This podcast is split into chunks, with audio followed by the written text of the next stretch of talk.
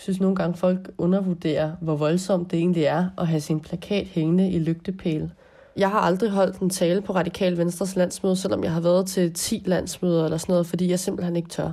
Og det er jo fuldstændig vanvittigt, men jeg synes, det er mega øh, ja, angstprovokerende. Selvom jeg tror, det er de færreste, der vil tænke, at jeg havde det sådan.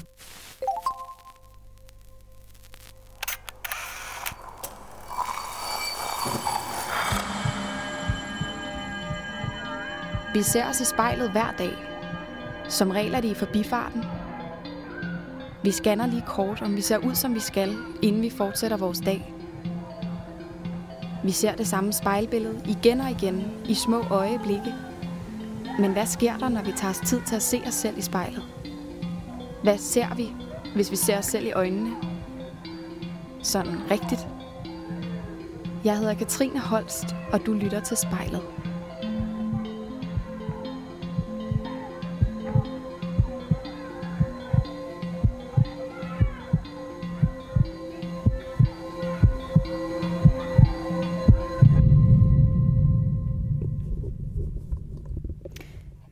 Hallo, Freja, kan du høre mig? Det kan jeg. Dejligt. Hej med dig. Hej. Tak fordi du vil tale med mig i dag. Selvfølgelig. Og selvom det er sådan lidt et utraditionelt interview, fordi vi jo klarer det her over telefonen på bedste coronavis. Ja. Men øh, man må få det til at fungere jo. Det er i hvert fald dejligt, du har tid til at tale. Det er jo det. Jamen, øh, vil du ikke starte med lige at fortælle mig et par ord om dig selv? Jo, øh, jeg hedder Freja, og øh, jeg er 24 år gammel og bor på Frederiksberg øh, og arbejder til daglig hos øh, Dansk Ungdoms Fællesråd. Ja, yeah, det tror Ja. jeg er det. Ja. Øh, og hvor er det, vi er henne? Er du hjemme hos dig selv nu på Frederiksberg? Det er jeg. Jeg sidder inde på mit soveværelse. Mm, hvordan ser der ud i dit soveværelse? Øh, rimelig kedeligt. Øh, det er ikke et særligt stort rum, og så er der ligesom bare en seng og et stort skab og et fjernsyn, fordi jeg er typen, der har fjernsyn på mit soveværelse. Og hvordan med resten af dit hjem? Er det også sådan lidt minimalistisk, om man vil? Mm, ja, det er det nok en lille smule. Jeg, er ikke sådan en, hvis- jeg har ikke så mange farver i mit hjem og sådan noget. Det er meget gråt og øh, hvidt og meget Mm. basic, mm. tror jeg. Synes du, det er sigende for dig som menneske, at du bor sådan? Jamen det ved jeg ikke helt, for jeg synes egentlig selv, jeg er et relativt sprudlende menneske, men både mit tøj og min, min, min indretning, den er sådan rimelig tør. men, øh, men det er bare det, jeg godt kan lide. Øhm, du nævnte lige øh, i starten, at du arbejdede for DUF, ikke sandt? Mm. Jo. Så, og du er politisk aktiv, kan jeg forstå. Det har vi også talt lidt om sammen før. Mm. Ja. Øhm, hvad er det for noget, øh, for noget politik, du er tilknyttet? Øhm, jamen, jeg har tidligere været, øh, været næstformand i Radikal Ungdom, eller var organisatorisk næstformand, og gik af i øh, august 2019. Og, øh, og nu der er jeg så opstillet til kommunalvalget på øh, Frederiksberg for Radikale Venstre. Okay, helt sikkert. Jamen, så øh, sidder du foran spejlet, og er du sådan ved at være klar Ja. til at gå i gang? Fedt. Øh, så, så synes jeg lige, vi laver en aftale om, at når vi går i gang, så, øh, så forsøger du at holde øjenkontakten med, med dig selv så meget, som du kan. Mm. Øh, også selvom det måske bliver sådan lidt, lidt underligt og lidt uvandt. Det er jo ikke så tit, at man på den måde sidder næsten en time og kigger sig selv i øjnene, men det vil være rigtig fedt, hvis du vil prøve mm. ligesom Mhm. at blive i det. Det gør jeg.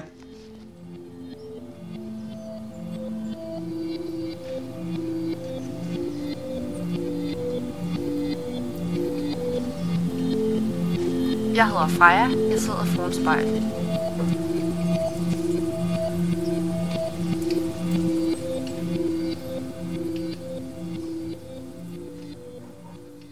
Hvis du prøver at kigge på dig selv i spejlet, og ligesom skrue tiden tilbage, og finde frem til den unge Freja, som lige var startet i ungdomspolitik, hvad er det så for en pige, vi kigger på i spejlet? Og det er i hvert fald en meget usikker pige. øh, 15 år gammel, lige fyldt 15. Mm. Øh, jeg kan huske, at jeg, jeg, jeg meldte mig ind i Radikal Ungdom, da jeg lige var fyldt 15 og gik i 9. klasse. Øh, og havde ikke rigtig nogen forventninger øh, om, hvad det egentlig skulle være. Øh, og fandt øh, et fantastisk fællesskab, men også et fællesskab, hvor jeg klart var en af de aller yngste, øh, og, og de andre, øh, mange var universitetsstuderende, eller som minimum øh, gik i gymnasiet. Øh, men det var et virkelig fedt fællesskab. Men, øh, men jeg var også bare meget usikker dengang, og 15 år gammel. Ja, det forstår jeg godt. Hvorfor gik du ind i politik? Var det frem for alt på grund af fællesskabet, eller var der noget andet, der lå bag? Jamen, det handlede øh, udelukkende om, at jeg var mega politisk interesseret, og, øh, og det var der ikke så mange af mine venner, der var dengang. Det er der jo sjældent i 9. klasse.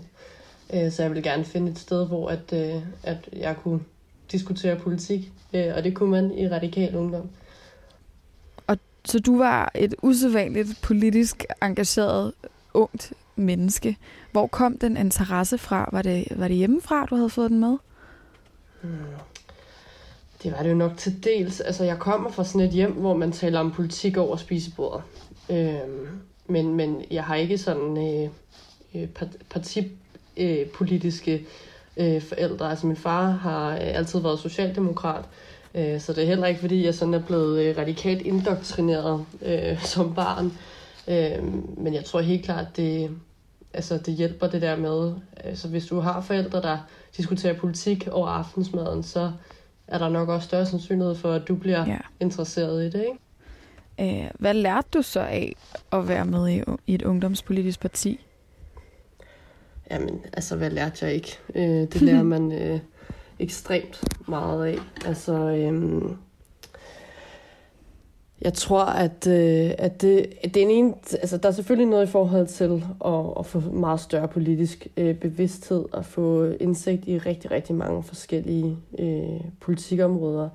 Men også bare det her med at være en del af en forening, at man har et ansvar, at man øh, er forpligtet over for, for andre mennesker. Det tror jeg næsten er noget af det, som, som har været allervigtigst. Øh, og jeg tror næsten det vigtigste er, at man, altså det der er mest definerende i forhold til, hvad man lærer, det handler om, at man er en del af en forening, og ikke at man øh, er, er med i et politisk parti, fordi at foreningslivet i sig selv, om det så er en idrætsforening, eller en spejderforening, eller en mm. politisk ungdomsorganisation, bare er sindssygt afgørende for, hvad er det for et menneske, man udvikler sig til at blive.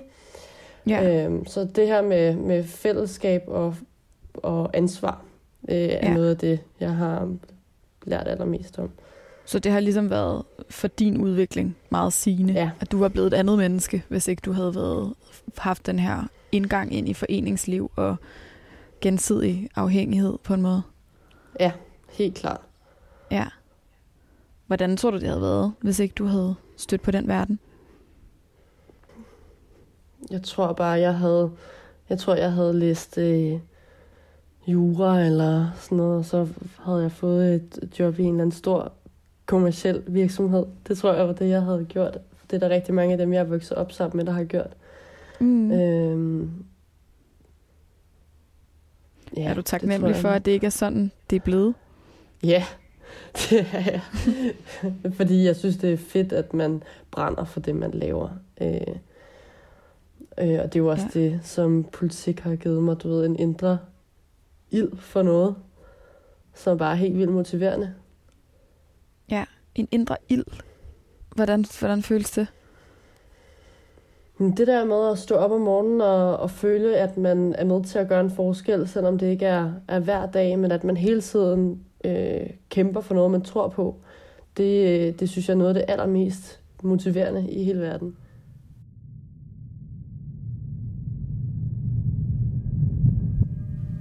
Jeg hedder Freja. Jeg kigger mig selv i spejlet.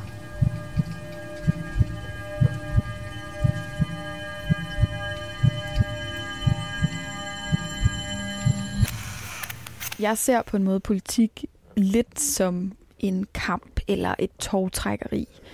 Øh, uden at det skal have en negativ klang selvfølgelig, men alligevel, der er måske lidt et græn af den der øh, en kamp for noget, som du også netop selv nævner. Mm. Øhm, så når du kigger dig selv i spejlet, ser du så en kriger?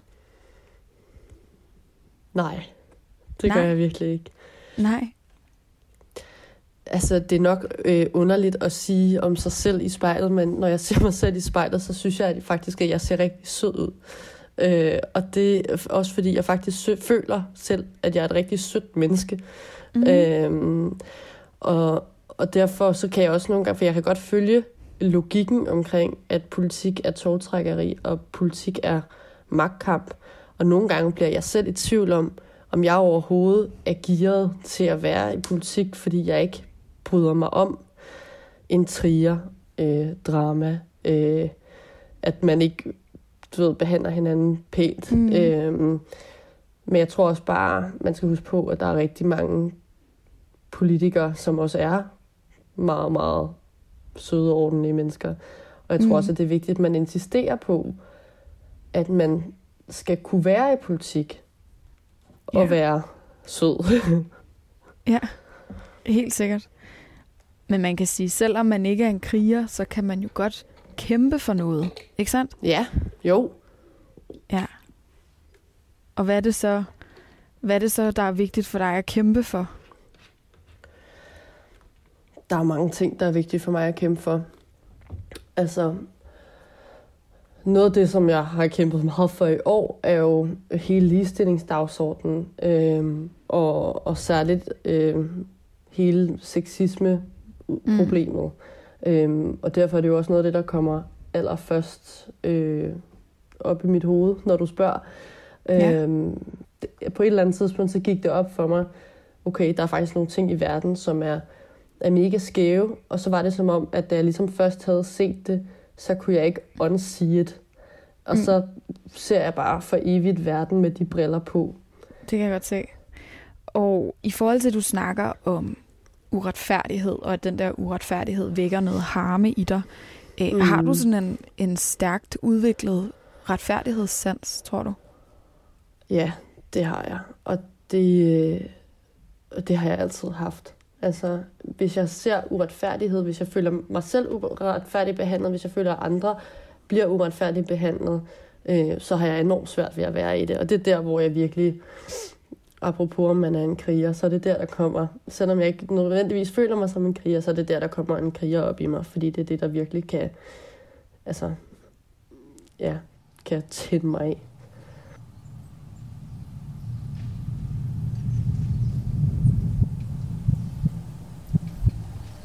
Mit navn er Freja. Jeg står foran spejlet.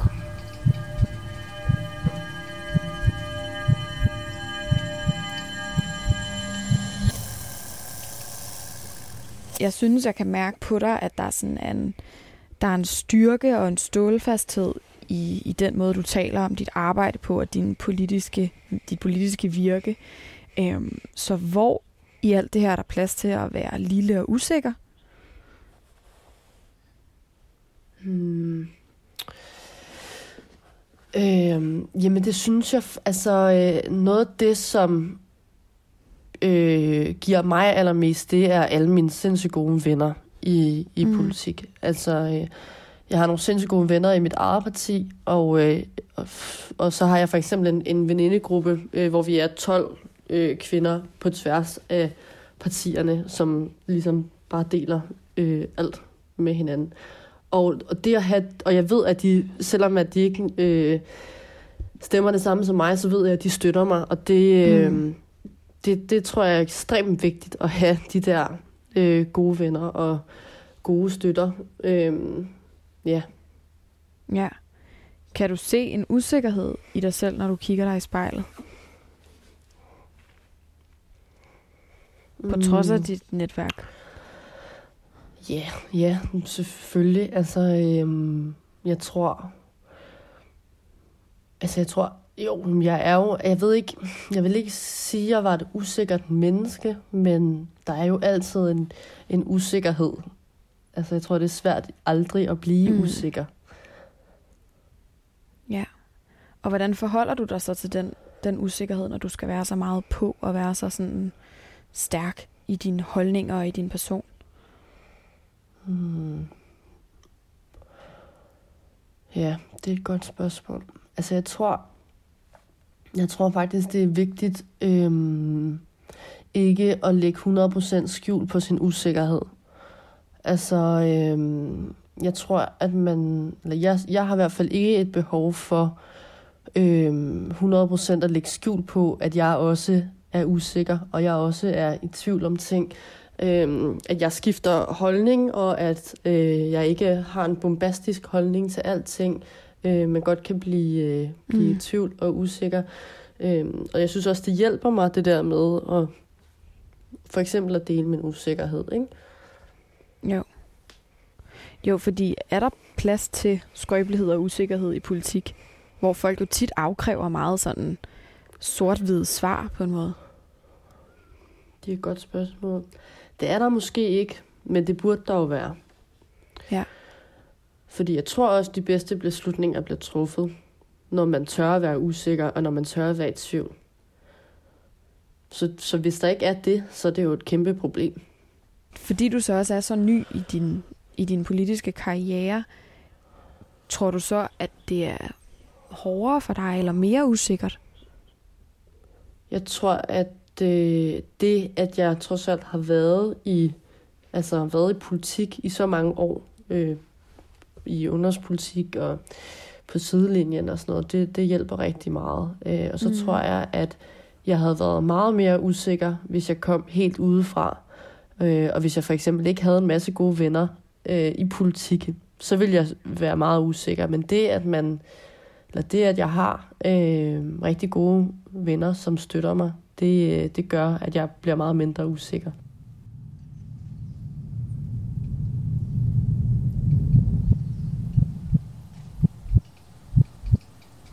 Jeg står foran spejlet, og jeg hedder Freja.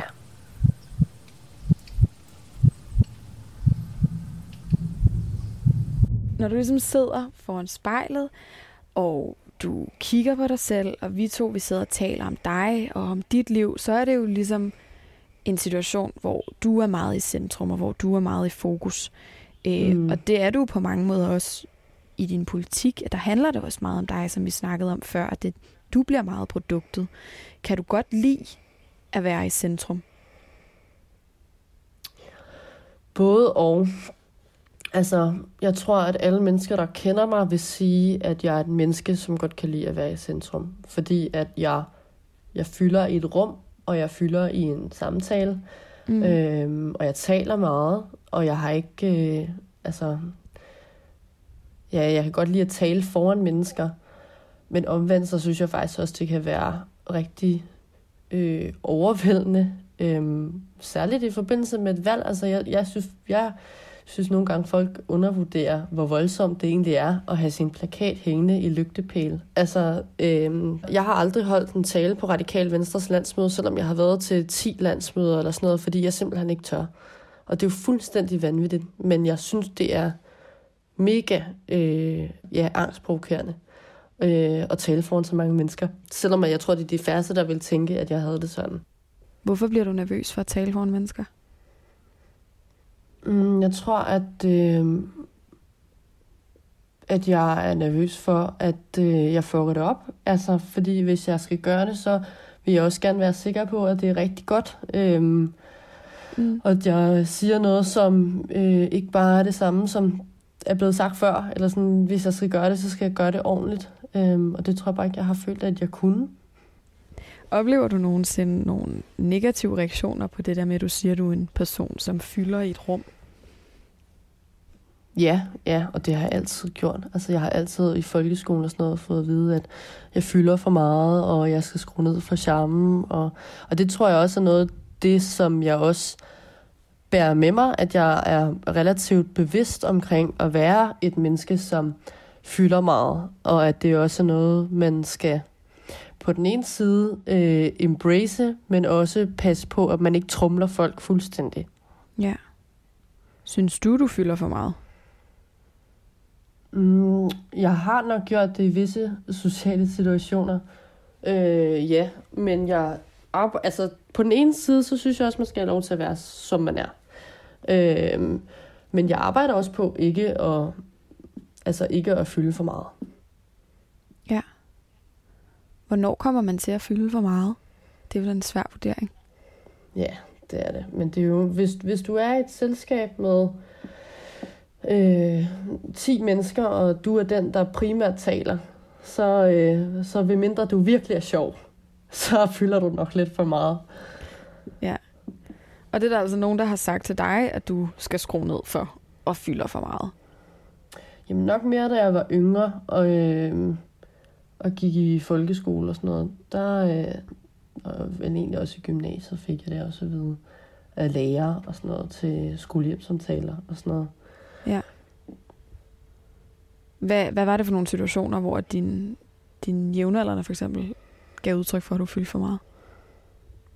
Jamen det tror jeg egentlig aldrig, det på den måde har gjort. Jeg tror egentlig altid, det har været min, min lærer, der har sagt, at jeg fyldte for meget. Men det var også i undervisningssituationer og sådan noget. Ja. Var det noget, der gjorde dig ked af det? Ja, meget. Altså, øhm, fordi jeg jo tænkte, at jeg bare var mig selv, ikke? Øhm, og dengang, der synes jeg, det var helt vildt uretfærdigt, at jeg ikke fik lov til bare at være, som jeg er. Øh, og nu tror jeg, jeg tænker, at det er ærgerligt, at man lukker ned for børn, som er, øh, hvad hedder sådan noget, øh, lærerløsne øh, og ivrige og, og, og taler meget. Men jeg synes egentlig også, jeg kan måske bedre forstå nu, at man har tænkt, at vi lige, øh, hvad hedder sådan noget, retter hende lidt ind, sådan mm. at øh, hun bedre kan fungere i verden. Lige nu sidder vi i mit værelse, og jeg sidder foran spejlet.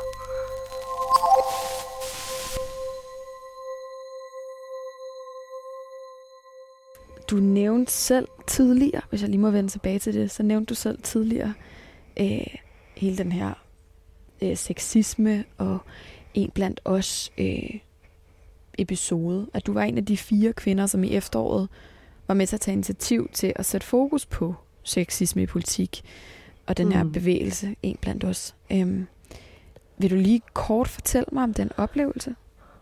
Mm. Ja, jamen det hele startede jo med Sofie Linde, der holdt øh, sin tale til Sudo Comedy Gala. Og, øh, og efterfølgende kom der det her brev øh, fra, fra kvinder i, i medieverdenen. Og, øh, mm. og der øh, skrev jeg med, med, med faktisk i den pigegruppe der med 12 piger på tværs af, af partier, om at det var da egentlig vanvittigt, at der ikke var nogen, der havde gjort det i politik, fordi der var så meget behov for det. Der var så meget behov mm. for, at vi gik fælles ud og sagde, det er faktisk et, et ret stort problem i politik, øh, og det er vi nødt til at gøre noget ved. Mm. Og, øh, og der, så gik der lige nogle uger, og der skete ikke rigtig noget. Og, øh, og så til sidst, så gik det jo op for et par af os, at øh, så må vi jo gøre det selv. Og, øh, og så var vi de her øh, fire kvinder øh, fra øh, Venstre, Socialdemokratiet, og så to, også to fra Radikale Venstre, som tog initiativ til at, at skrive et indlæg og få nogle underskrivere på og indsamle nogle øh, personlige beretninger på, øh, på sexisme i, øh, i politik. Og, øh, og man må simpelthen bare sige, at det gik fuldstændig amok. Altså jeg havde overhovedet ikke forventet, at... Øh, at det ville gå så meget mok, som det gjorde. Vi fik jo 322 underskrivere på hvad? Mm. 3-4 dage, og 79 okay. personlige beretninger. Øhm, og de der personlige beretninger, de, vi indsamlede dem i sådan et Google Docs, og de væltede bare ind. Øhm, og indlægget handlede sådan set om sexisme, men der kom også øh, altså, eksempler på seksuelle overgreb, øh, drug rapes. Øh, det var meget, meget voldsomt. Øh, nogle af de mm. ting, som folk havde, havde oplevet. Øh, og, øh, og så kulminerede det jo så med, med, øh, med en forside øh, på politikken med mm. alle underskrivernes navne, og at alle de her personlige beretninger, de blev bragt i, i politikken. Og, ja. øh, og, og alle partilederne, der blev øh, konfronteret øh, med, at det her det, øh, fandt sted i deres partier. Så det var, øh, det var meget, meget overvældende, øh, mm. synes jeg. Men jo også kæmpestort. Var din egen øh, oplevelse også en del af de her 79? Øh, det vil jeg faktisk helst ikke tale om. Fordi jeg har lidt insisteret på ikke at ville tale om, om hvad jeg selv har oplevet det er bare helt i orden. Er det noget, som, når vi sidder og taler om, om den, det her volumen på det, og hvor stor en ting det her, hvor meget det har rørt dig, kan du se, når du kigger dig selv i spejlet, at du, at du reagerer på det stadigvæk? Mm. Ja, altså, øhm, det ved jeg ikke, om jeg kan, men, men det gør jeg. Altså, jeg reagerer stadig på det. Altså, jeg, jeg sad faktisk lige og tænkte, at bagefter, der skulle jeg lige genlæse de der beretninger, fordi det, jeg har læst det mange gange, men det er sgu en overvældende oplevelse hver gang. Eller sådan, og det kan godt være, at det er måske lidt af selvpinderi, egentlig, jeg læste dem igen, men, men jeg synes bare, det er så vigtigt. Eller, ja. Ja. Hvad er det for nogle følelser, du bliver fyldt op af, når du besøger det her igen? Det er et godt spørgsmål. Altså det første, der popper op, er vrede. Men jeg ved ikke engang helt, om jeg er vred. Altså, øhm, det er jeg jo nok lidt. mm. altså, jeg, jeg synes, det er fuldstændig sindssygt, at folk skal udsættes for sådan nogle ting. Ja. Er det noget, der gør, at du kan være lidt betænkelig ved at efterfølge, eller ved at forfølge en karriere i politik? Men det ved jeg jo heller ikke rigtig helt, om jeg gør. Det tror jeg jo ikke rigtigt, jeg gør. Altså, jeg vil gerne være fritidspolitiker, som ja. man er i, øh, i kommunalpolitik, men jeg har faktisk ikke nogen ambition om sådan at blive professionel politiker. Nej. Hvorfor det? Fordi at det er... Mm, fordi det er mega hårdt. Altså, øhm, det er... Øh, politikere arbejder ekstremt meget, øh, og de har hele tiden røvende klaskehøjde. Mm. Øhm, ja, det, jeg kan ikke udelukke, at det sker engang, men jeg, jeg har meget svært ved at se det for mig, fordi jeg tror simpelthen ikke, at, det, at jeg vil synes, det var sjovt særlig længe. Jeg er simpelthen bange for, om jeg synes, det ville være for, for, for hård en hverdag.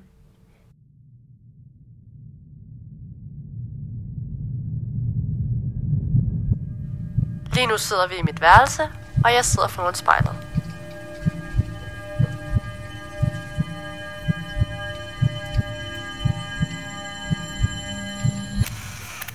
Nu ved jeg godt, at du jo at du virker sådan, på trods af, at der lige er en lille åbning i det, du siger, så er du stadigvæk sådan rimelig afklaret omkring, hvor din politiske karriere skal bære hen.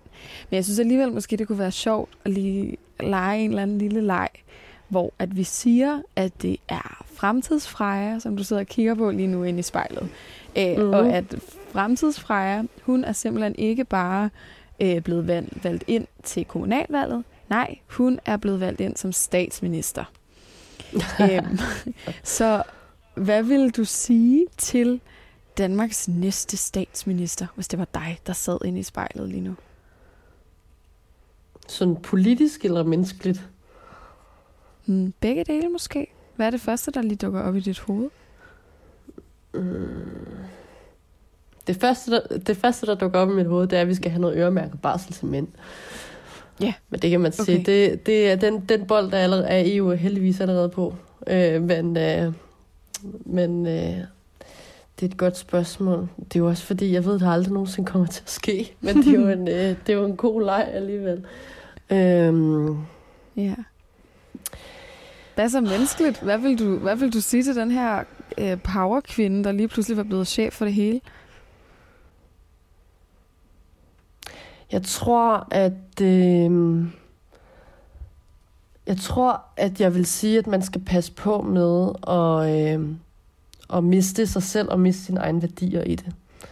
Øh, du ved, man skal ikke, øh, man skal passe på med, at, øh, at det hele ikke øh, går ud i, øh, i spin og kommunikation, øh, men at det skal handle om, om politik og reelle politiske løsninger.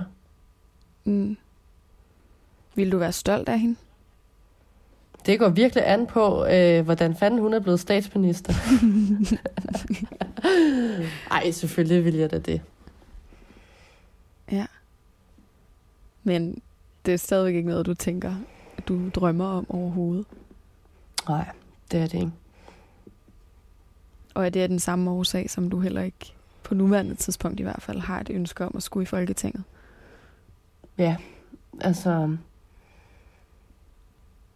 Jeg er simpelthen, jeg er simpelthen nervøs for, altså jeg, jeg tror, det har virkelig store konsekvenser for ens øh, familieliv og, øh, og øh, sociale liv og alt sådan noget, som bare er helt vildt vigtigt for mig.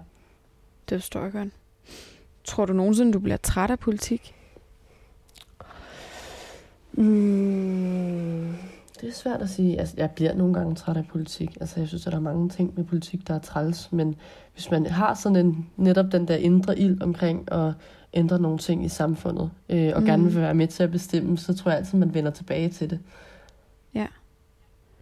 Så du tror, at du altid vil have lyst til at tage den politiske snak hen over middagsmaden? Ja, det har jeg svært ved at se for mig ikke skulle være tilfældet. Er det noget, du vil give videre til dine børn på samme måde, som du måske selv har fået det ind igennem dit familieliv? Ja, det er det helt klart. Jeg synes, det er vigtigt, at man engagerer sig i samfundet, og at man ved, hvad der sker i verden omkring en. Jamen altså, det, det var måske i virkeligheden bare nogle meget fine ord at slutte på, synes jeg. nu er det også ja. næsten gået det meste af en time, så, øh, så jeg tænker, vi er ved at være færdige. Mm. Og hvordan føles det så nu, når vi har, når vi har siddet i det her en times tid og snakket?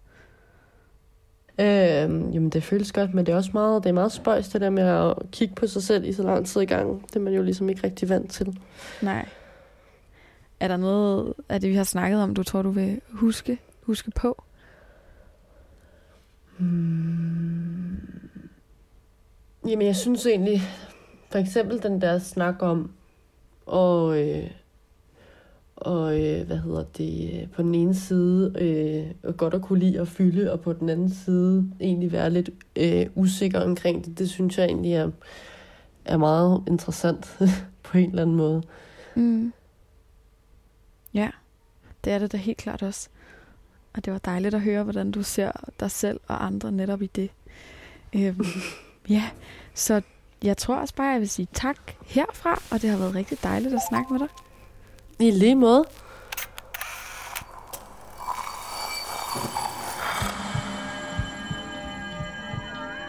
Du har lyttet til spejlet.